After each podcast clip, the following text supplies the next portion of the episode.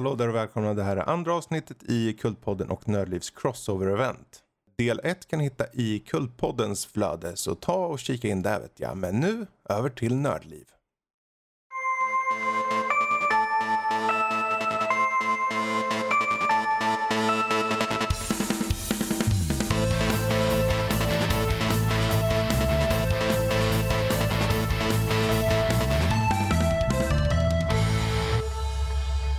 Hallå där och välkommen till Nördliv, en podcast som eh, i allmänhet pratar om eh, riktigt nördiga saker. Och den här gången kommer det bli så sött och eh, fuktiga ögon kanske hos vissa, eller bara himlande med ögon. Vi kommer snacka om Coco. Disneys Coco. Det här är en crossover, ett crossover-avsnitt med våra vänner i Kultpodden. Ja, vänner är lite starkt. Ja, jag tycker Ja, vi har eh, mig, Fredrik, Danny och eh, Mattias och Emil. Jajamän. Mer känd som den andra i Kultpodden. Kultpodden. Givetvis så prenumererar ni ju på Kultpodden så då har ni hört det föregående avsnitt i det här crossover-eventet som var filmen Castle Freak. Jajamän. Och eh, nu är det Coco som står på agendan. Eh, och upplägget blir väl först att vi tar premissen lite och sen går vi in vad vi tycker och känner och, och så och petar lite på det. Ser du professionella när Mattias? Lyssna här nu. Fuck you. Så, premi- premissen. Ska vår gode norsk... eh, Kan du dra premissen Ska jag lite? ta premissen? Uh, I Coco får vi följa... Heter han Coco? Jag kommer inte ihåg. Vad. Nej, det är hans uh, gammel... eh, Han ska, ja, ja. Miguel. Miguel, som vi Miguel. får följa som drömmer för att bli musiker men hans familj är helt tokiga och allt som har med musik att göra är tabu. Det är förbjudet rakt upp och ner. Han blir utskälld och de hotar liksom med nästan mer eller mindre våld på honom känns det som. Att ifall du rör den här då ju, usch och fy. Ajabaja. Ja, ajabaja. och de slår lite lätt på fingrarna och sånt där. Eh, och han uh, idoliserar en eh, musiker eh, som han sett på tv och sånt där. Och han vill helt enkelt liksom åka för att besöka hans grav där. Mm. Genom att göra det så går han in och där hänger idolens gitarr, vilket han tänker jag kan ta och testa den. Och genom en olycka så hamnar han i de dödas rike. Och sen, ja, där börjar filmen mer eller mindre med lite udda uppsåt med eh, döda som försöker ta sig tillbaka till, eh, vad heter det, mörkt, eh, vad heter dagen? Det dödas dag. Det dödas dag. Precis, det dödas dag. Jag tar det på svenska istället. Dödas dag. Eh, som han får träffa på och sen såklart många härliga andra karaktärer som han får träffa. Ehm, det är väl egentligen premissen där rakt upp och ner egentligen. Det är ju det som... Precis. Driver Vi kommer, filmen vi framåt. kommer in på det mer. Det kommer med all säkerhet spoilas här. Men det här är en två år gammal film. Ja. 2017. Så med all säkerhet så är det många som har sett den redan. Men det här är våra och eh, era intryck av den. Kultpodden tittar jag på nu. Ja. Och det är ni som har tänker- valt den här. För... Vi har valt den här precis som ni valde Castle Freak på Precis. det crossover events eh, avsnittet. Men vi kan börja med Emil. Så tar vi en uh, kultpoddare, en nördlivare, en kultpoddare, en nördlivare kanske. Ja, det går väl bra. Eh, Vart ska han börja? jag, jag- kan börja med, bara när jag kollar upp IMDB eh, entryn för den här filmen. Och eh, det första, jag ska vara helt ärlig. Det första som undanslapp mig var en suck. Mm. Eh, Det är Mattias avdelning. Det, det är Mattias avdelning egentligen. Uh, men men eh, det som ändå gjorde mig positivt överraskad. Jag gick in i ganska många känslor under en väldigt kort period där. För jag Mm. såg bilderna och sådär och kände på en gång att okej, det kommer vara puttinuttigt. Uh, så såg jag att han hade typ åtta i betyg eller någonting. Och det är så här, mm, Mm. okej. Ja, det är intressant. Intrigued. Det, det är så Emil låter intresserad. Är här, åh. Ja, precis. Um, Det, det där var mer glatt förvånad. Oh. Ja, men jag tror, eh, eh, om man ska spoila lite vad jag tyckte, jag blev lite glatt förvånad om en eh, lite uttråkad. Uh, det, det är en väldigt typisk historia. Det, det, det, det känns som en, som en så här sagoberättelse. Det känns som en klassisk fairy tale Mm. som är översatt till eh, en annan kultur och ett litet annat, mer modernt berättarsätt. Lite väl utdragen. Um, men det känns definitivt som en historia man har sett innan, men inte på ett sätt som tråkade ut mig helt och hållet för jag hängde ändå med i vad som Mm. hände. Och hade ett par bra twistar här och där som gjorde att jag fortfarande var eh, med de en och en halv timmarna filmen är. Trots att det står 1.40 på den för att det är en jävla lång eh, eftertext på grund av att filmen har varit i produktion mellan typ 2011 och 2017. Så det är väldigt många människor som har varit inblandade. Eh, premissen är ju som sagt väldigt, alltså den är intressant. Om en väldigt enkel. Mhm. Eh, och på många ställen kände jag så här att jag lite, lite, jag tror vi har sagt det här innan faktiskt att eh, i Kultpodden just att det känns lite som i eh, Monty Python and the Holy Grail. Eh, Danny, fler referenser här. Mhm. Eh, I Monty Python and the Holy Jag skriver Grail upp. så, så har, har de in, en inklippsbild på Gud som säger Get on with it. Mhm. Och det var väldigt mycket så jag kände under den här filmen. Att Mm. det, det är så mycket som presenteras i, i, i, på, på ett sätt. Det här med musiken, det, det, han får inte lyssna på musik, han får inte hålla på med musik. Och det kändes verkligen som att det var så jävla farligt. Vilket man får en förklaring till varför musik är, är bannlyst i familjen. Mhm. Jag köpte det bara inte helt och hållet.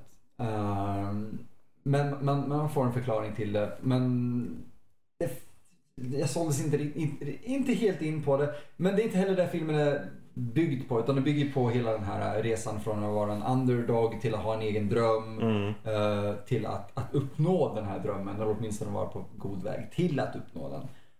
Eh, och med sina twistar så jag tycker ändå att det är för det mesta en relativt bra film som kanske skulle ha klippts ner med 20 minuter. Mm. Om jag ska vara väldigt kort och Mm. detaljerad så.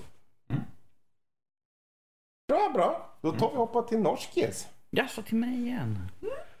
Eh, den är bra. Över till Mattias. Nej, men alltså, jag, jag tror inte jag behöver vara mer utförlig. Jag tycker det är en bra film. Den har en, den, det är en bra storyline. Men som Emil säger, att den är ju väldigt simplistisk. Men att Mm. ingen utav deras filmer är ju egentligen de mest djuptänkande. Det är inte Nej, här alltså, superplottiga. Det här är ju det är en enkel film. Det är liksom syftet är ju att den ska vara enkel. Ja, det är en pojke som har en dröm. Han kommer till dödsriket. Han vill ta sig därifrån och tillbaka till familjen. Men att han märker att det finns någonting större liksom än det han suktar över egentligen. Så det, är familj, det är en familjefilm egentligen. Det är ju att familj är det viktigaste egentligen. Att vi ska se liksom att ifall någon tycker om någonting, låt dem göra det istället för liksom att nej. Eh, det är bra musik i filmen.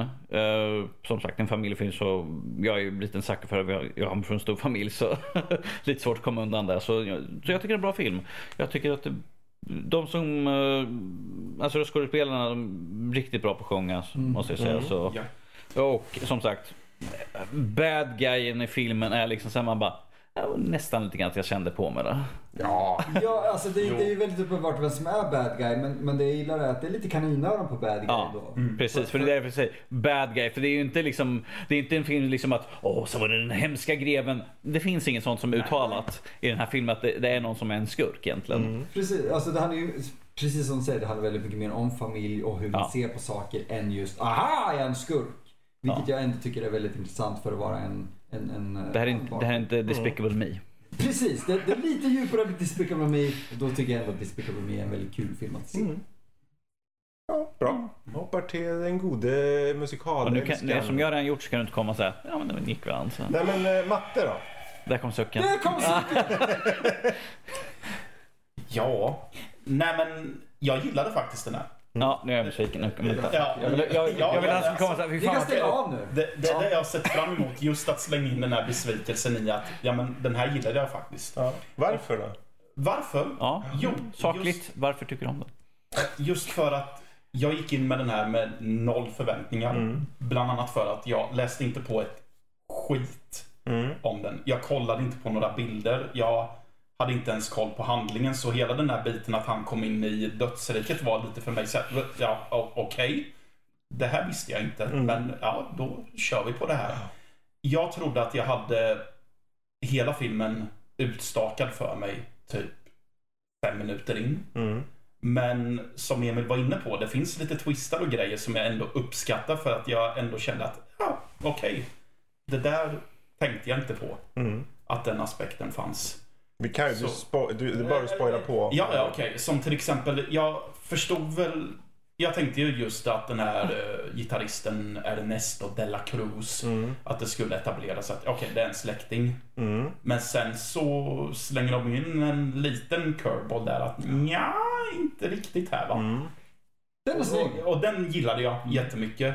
Jag gillade även just eh, att han visade sig inte vara så jättesympatisk. Även om, ja visst, det är gjort jättemycket förut. Det ses som uppenbart. Men det konstaterade jag efter att det var etablerat. Mhm. Mm. Men det var inte någonting jag satt och tänkte att okej, och nu kommer han att visa sig vara etablerad så.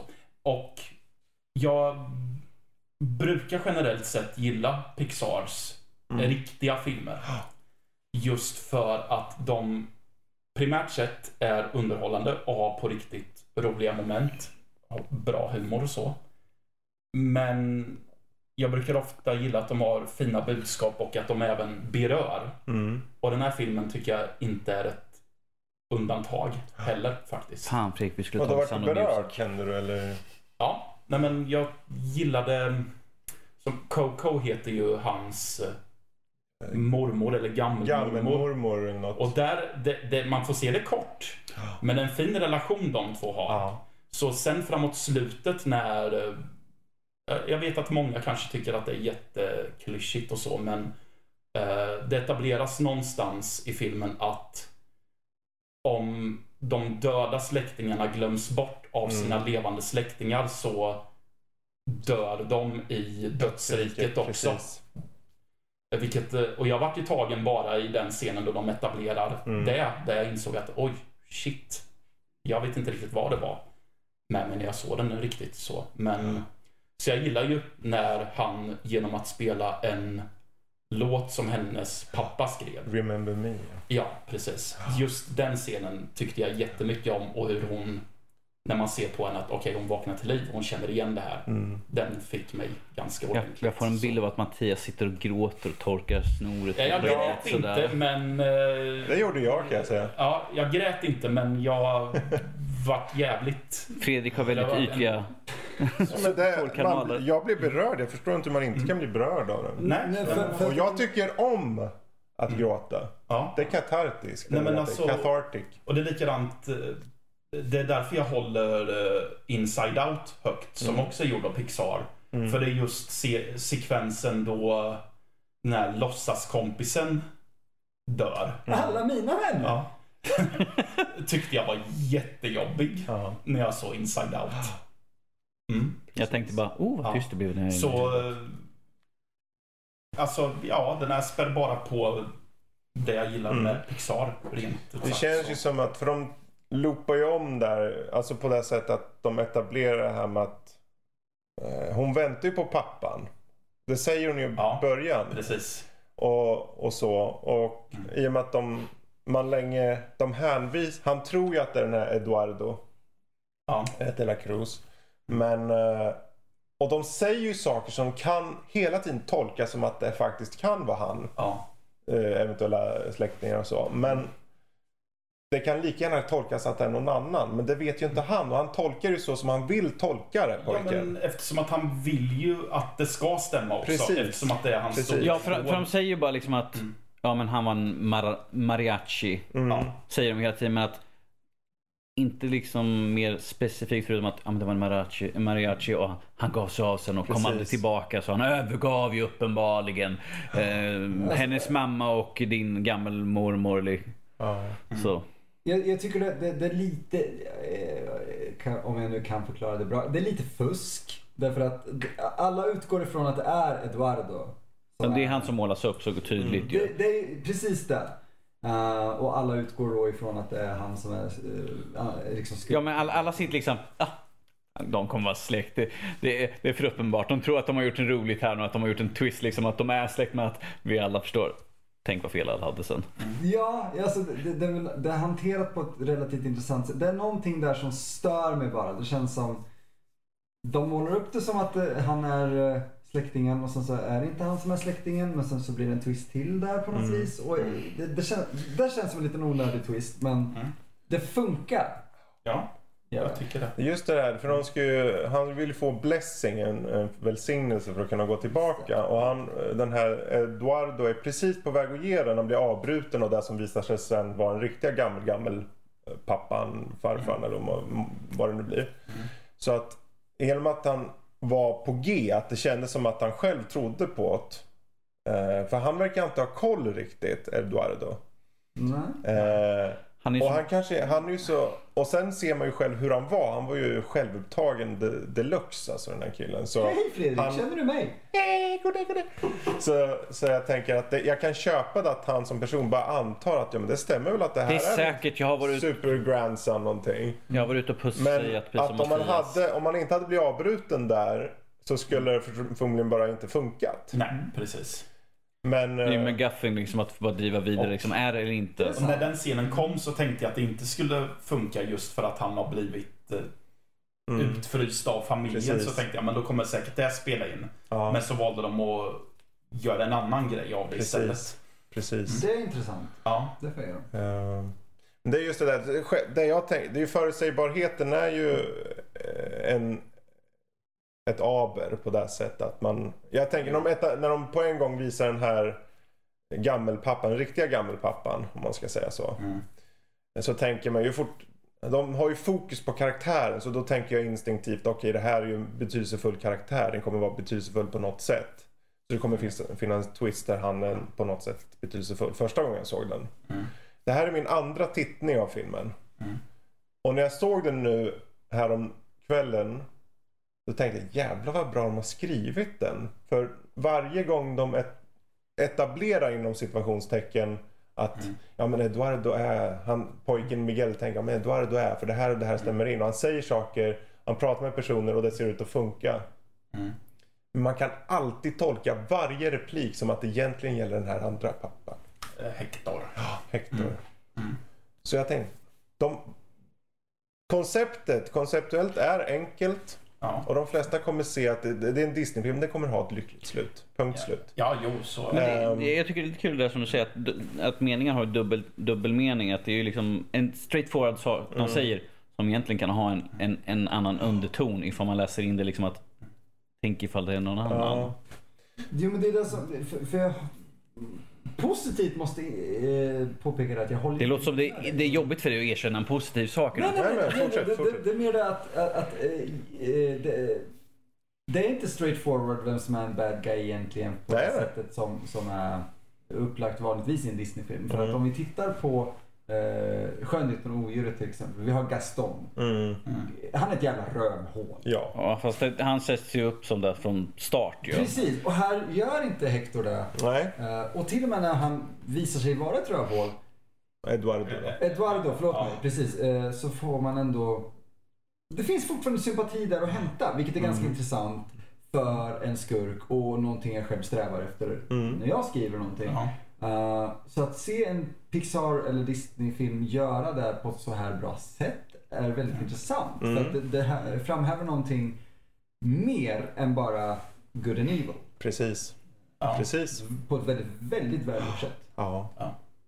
Alltså det är ju såklart att på många sätt är det ju en produkt. De vet ju att de skapar ju produkter. Ja, ja. Och de har ju mallar och så. Och det är mallarna som man som vuxen kan se och urskönja liksom. Men man måste också se. För jag tänkte för när det börjar med att han är ute efter att. Han vill ju spela musik. Han vill.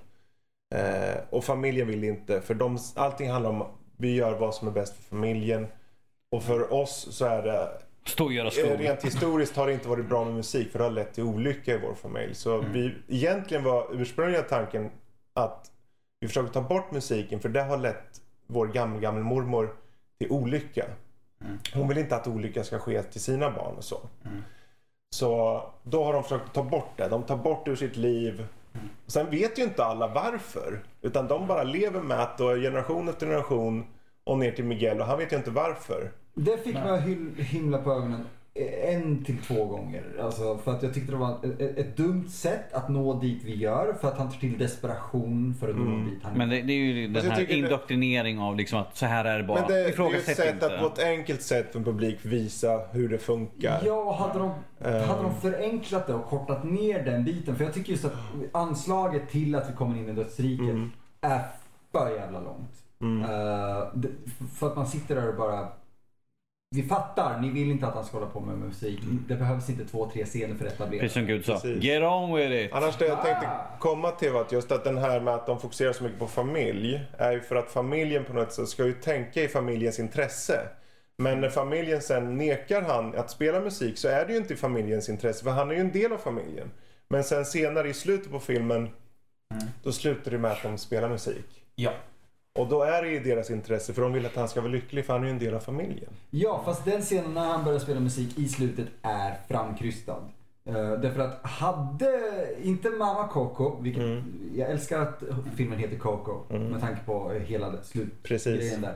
Helt fantastiskt. Men mamma, vad fan hon heter, som inte är Coco utan Mm. den här andra, alltså hans mormor. Hon flippar ju totalt i, i, i första så här, halvan av filmen. när Ja. Hon drar, hon drar, fram, drar av sig skorna och liksom bara nu jävlar. Ja, Det, exakt. precis, men det är comic relief time där. Ja, men hon har en sån jävla attityd till hela den här musikgrejen att Mm. hon, hon slår sönder hans gitarr. Om vi ska vara helt ärliga.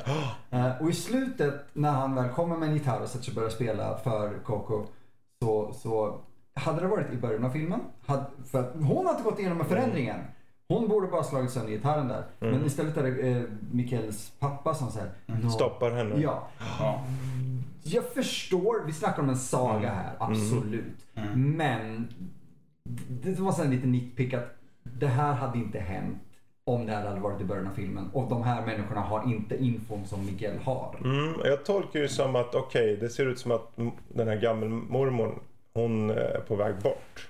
Det var Hon har varit typ borta. så jag tänkte också. Ja, för eh, i, i dödsvärlden så börjar han dö. Eh, pappa, gammelpappan. Och då tänker jag, för jag har bara re- rent instinktivt tänkt okej, det händer något med Coco i, i vår värld. Och hon så- såg ut som hon var instängd i det där rummet nästan och så. Som hon var helt frånvarande och det kändes som att bara när de klev in i rummet så var det som att Min uppfattning var att de visste om hur läget var med henne och där kom han in och ville göra något för sin mormor, gammel gammel mormor. Jo, men det, det, det, det, det värsta enligt familjen hade ju då varit att ta fram en gitarr.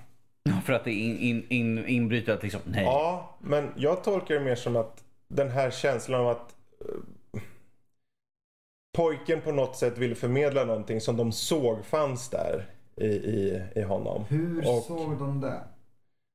Svårt att säga. Ja, det är just Men- där det, det brister för mig. Men jag tror att så som jag, så som jag kände var mest som att okej, de har gått igenom nå- någonting medan vi inte varit där. Vilket har fått dem att, jag skulle inte säga att de har ändrat uppfattning eller någonting eh, om det här med eh, musik. Mer som att de är mer reserverade och känner de vet inte riktigt vad de ska göra. Helt enkelt ledsna kanske. Då hade jag velat se den utvecklingen. Kanske, Det är bara, det. Är bara men- det. Jag, jag tyckte den kändes finnas där. Okej. i den scenen. För mamman är ganska, den här gammel, in, eh, Cocos dotter. Mm.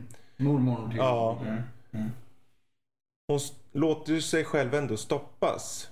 För det så, de tittar ju på Miguel när, när de kommer in. Vad gör med gitarren eller någonting? Ta bort det. För hon anmärker ju på det. Hon anmärker.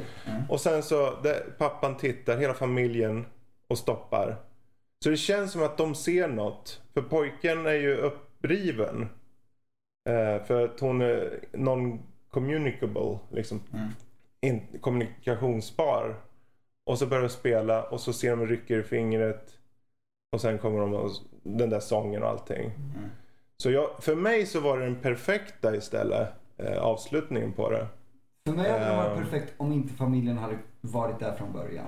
Därför att för, Kanske. för mig blir det verkligen där att jag hade behövt se Ja. mormor gå igenom en, en någon form av... För, tror- för att det nästan, man kan jämföra det med att han slår sin gammelmormor i ansiktet gång på gång när, så fort han nämner musik nästan. Mm. Men jag tror att hennes eh, kärlek för sin mamma var det som eh, i den situationen fick henne att bara hållas tillbaka lite.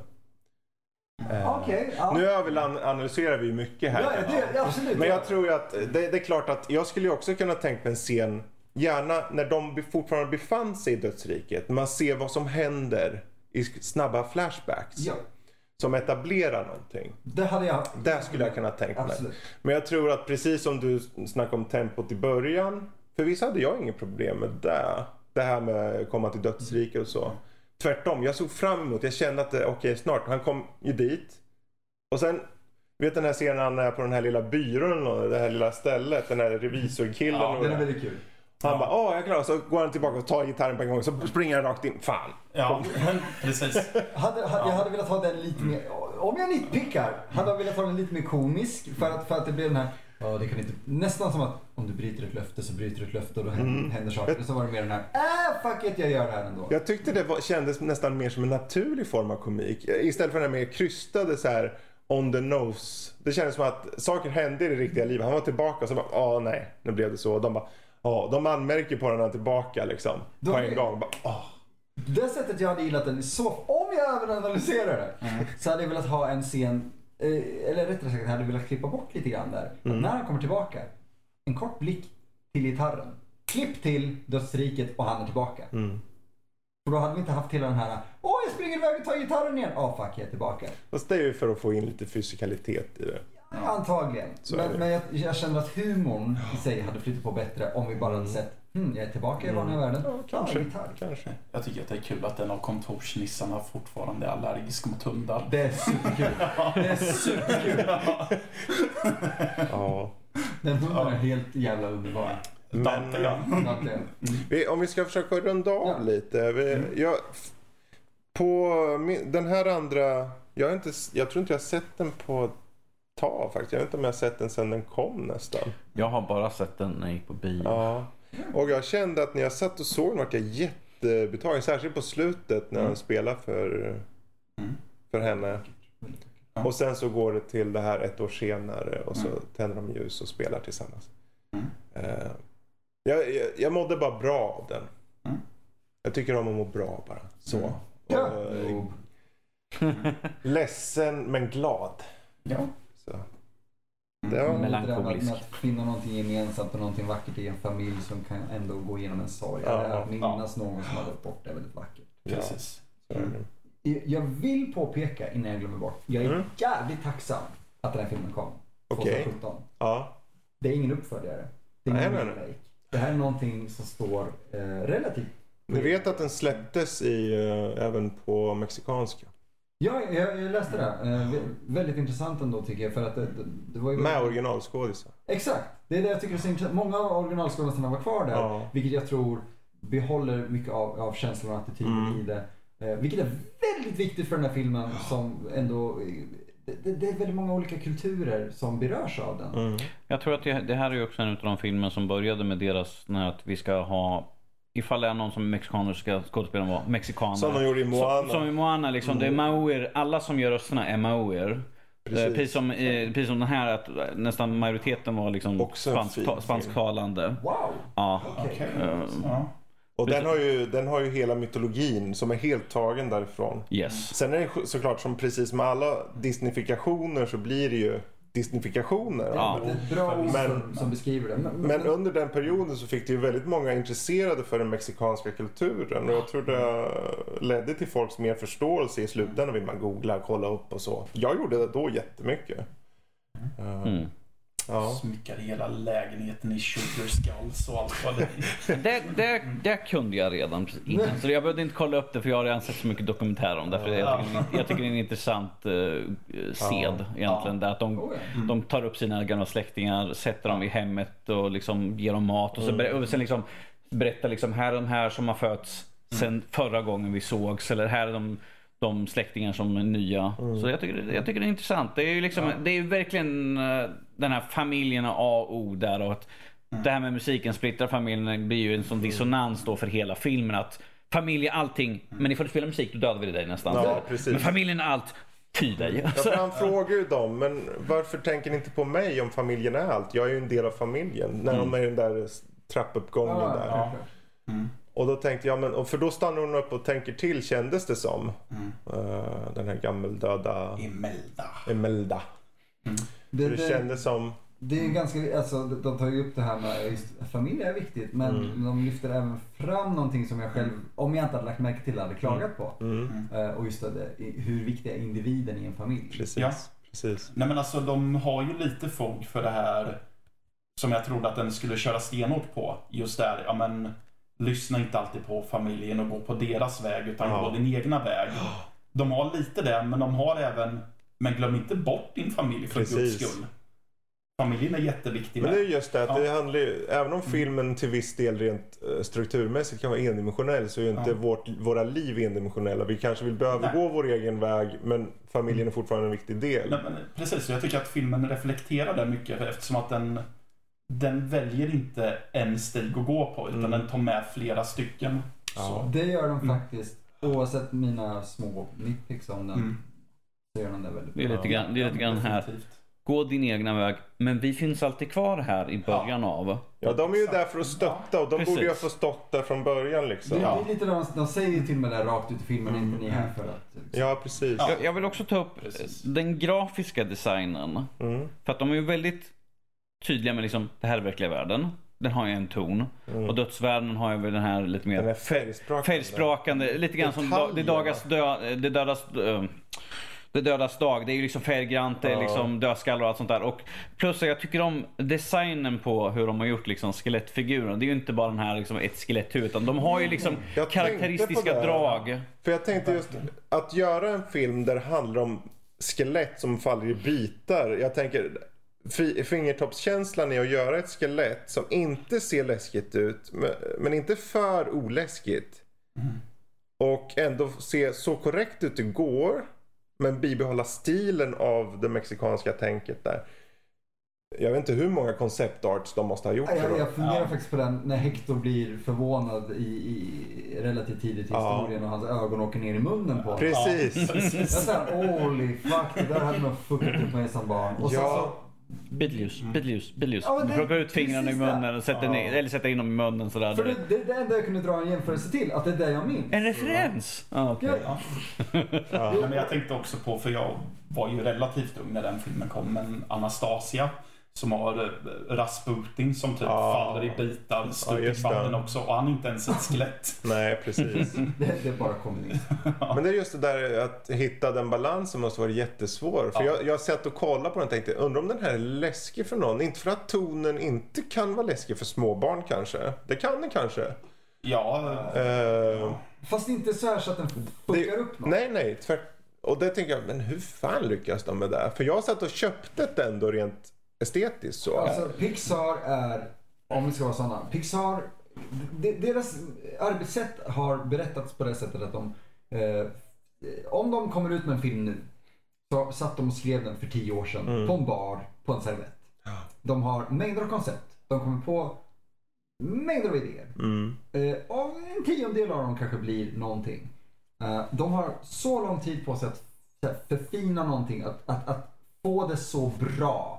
Vi, vi ser inte många dåliga Pixar-filmer. Varför? Jo, för att de lägger ner tid på det Mm. de gör. ja. Och jag, jag tror mest av det som de gör i, i sitt manusarbete att eh, de är ju inte så här liksom up in your face utan de har ju det här vi smyger in en subtil grej som ligger Ja. hela tiden, alltså ett tema som ligger hela tiden som tas upp på ett, alltså inte, inte du kommer ihåg din familj utan det är saker som hintas om och det, och det här med Miguel och eh, hans egentliga gammelfarfar och Hector som man tror. Så att det är ju hela tiden, resan är ju mot att hitta sanningen, liksom, är vi släkten och sånt där. Så att även fast det inte uttalas så ligger det alltid, de har alltid en underton som hela tiden går genom filmen, precis som i eh, den som du nämnde förut. Inside Out. Inside Out, eh, liksom det här tro på dig själv, liksom vara sann mot dig själv och allt det där. Eh, Så de har ju undertoner som ligger hela tiden, som kommer upp liksom när, man, när det kanske har gått en stund emellan. Så att liksom så här, familj och allt sånt där. Liksom bara, ja, ja, okej, just det, så var det. Så- Det är ingenting som man sätter och tänker så här, ah, ja, just, ja, just det. Utan du tar ju sitter och bara tar in filmen. Fast det är ju fortfarande hela den här att är han vid släkte liksom? Och hur ska jag kunna göra för att vi ska bli med, med familjen och kommer få spela musik? Och Så det är ju saker som ligger hela tiden som kommer upp som små vågor. Det är ju inte liksom att de tar en kaskad av en, en jätte-tsunami liksom för att liksom, du kommer ihåg det här, du kommer ihåg det. Det är små saker hela tiden. Jo, men det, det, ex, exakt det du säger där är, en jävligt bra poäng faktiskt. För att de, de, de, det är ingenting som känns forcerat. Nej. De, de, de låter publiken, även om vi kanske ser det väldigt Mm. uppenbart. Ja, det gör vi. Därför att Mm. vi har sett det eh, historien hundra gånger. Jo. Men de gör det så snyggt att Mm. en yngre publik som aldrig har sett någonting liknande innan kommer uppfatta saker själva och komma fram till slutsatsen själva. Precis. Och så gör man en bra berättelse. Ja. Även om den har berättats under en. Ja, för det är en konst att göra eh, en, en story som har gjorts tusen gånger bra. Mm. Man kan göra den dålig, man kan göra den bra. Och den kommer göras igen. Eh, och då kan man fråga om Ja. den görs bra eller dåligt. Men det känns ju som att de tar väldigt klassiska grepp i att be- Ja. berätta klassiska sagor. Men för att lyfta fram teman som de Mm. är jävligt angelägna om att berätta om. Ja, de väljer oftast Ja. ett tema och kör på Ja, det. precis. Så är det. Ja. Ja, ja.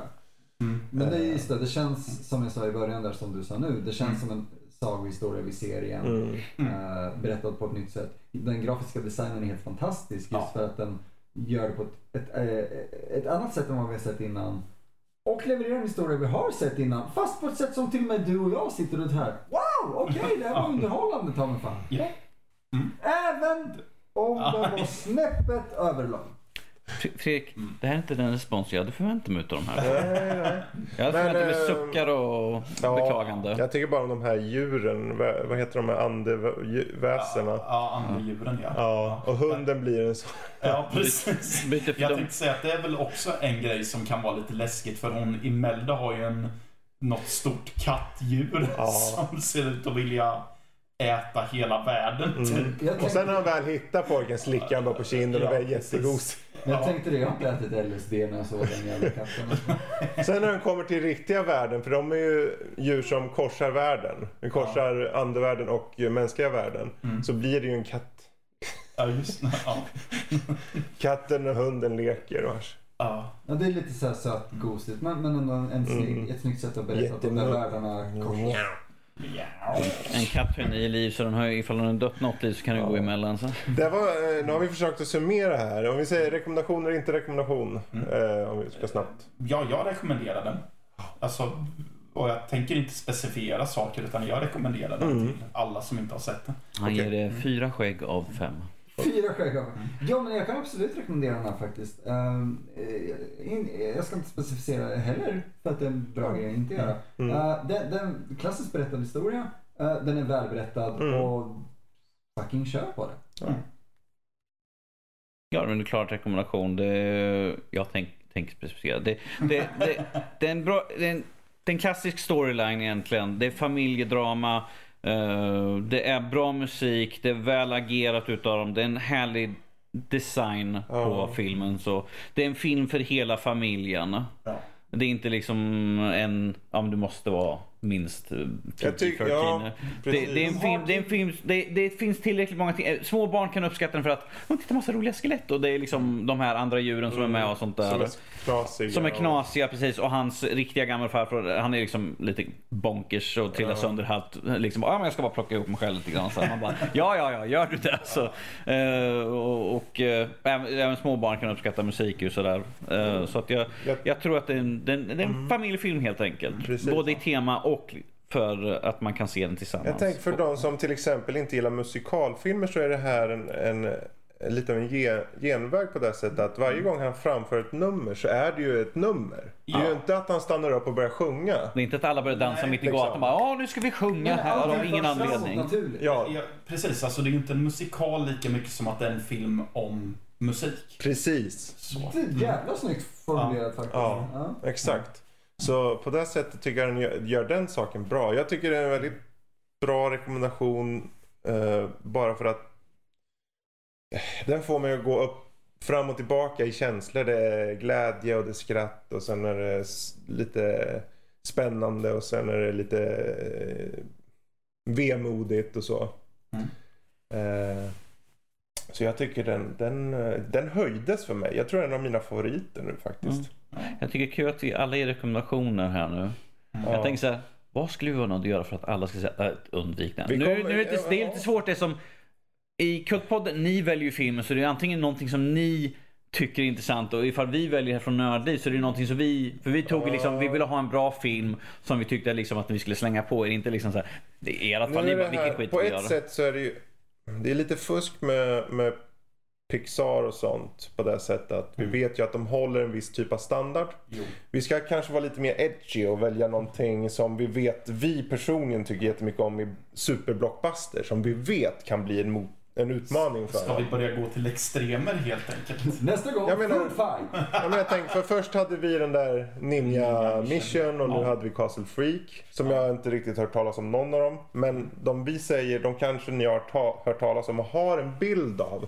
Så då är jag intresserad av att se hur ni ändrar bilden medan jag inte har någon förutfattad mening Ja, men jag, tänk egentligen för om vi, tänk för att vi ska sagt ja, men vi ska ta Endgame pojkar. Och då vet jag att båda ni nästan måste se alla filmer för att liksom få Det blir, alltså det blir ju vad det blir. Men hur som helst, det här är i alla fall, det får sätta punkt nu för eh, crossover avsnittet. Eh, och eh, vi får tacka Kultpods eh, nördlivarna här. Nej, jag tycker, du tycker inte jag ska tacka Matte, dem. Emil och så Danny och jag Fredrik. Och eh, är det så ni vill ha mer av oss, hoppa in på sajten nördliv.se. Eh, vill ni kontakta oss så är det info at eh, nordlivpodcast.se. Du, gjorde- du gjorde en, eh, en Emil och Mattias Ja, jag, har där. varit lite, jag såg vad de håller på med här, jag tappar bort mig själv. Sen, sen är det ju såklart, sociala medier är ju at nordliv.se. Och framförallt, är det så att ni inte hört talas om den här nya podden som heter Matiné. Då tar ni och söker på den omedelbums Nu! i er podcastapp. Det är popcornrullar, det är actionrullar, ja det är allting som är spektakel och roligt. Kanske lite klassiska filmer också. Eh, Så lyssna och eh, kom med er feedback på den. Det vore jättekul. Med det sagt, lyssna på Kultpodden, lyssna på Nördliv och fortsätt vara coola. Hej då! Tullu! Adjö.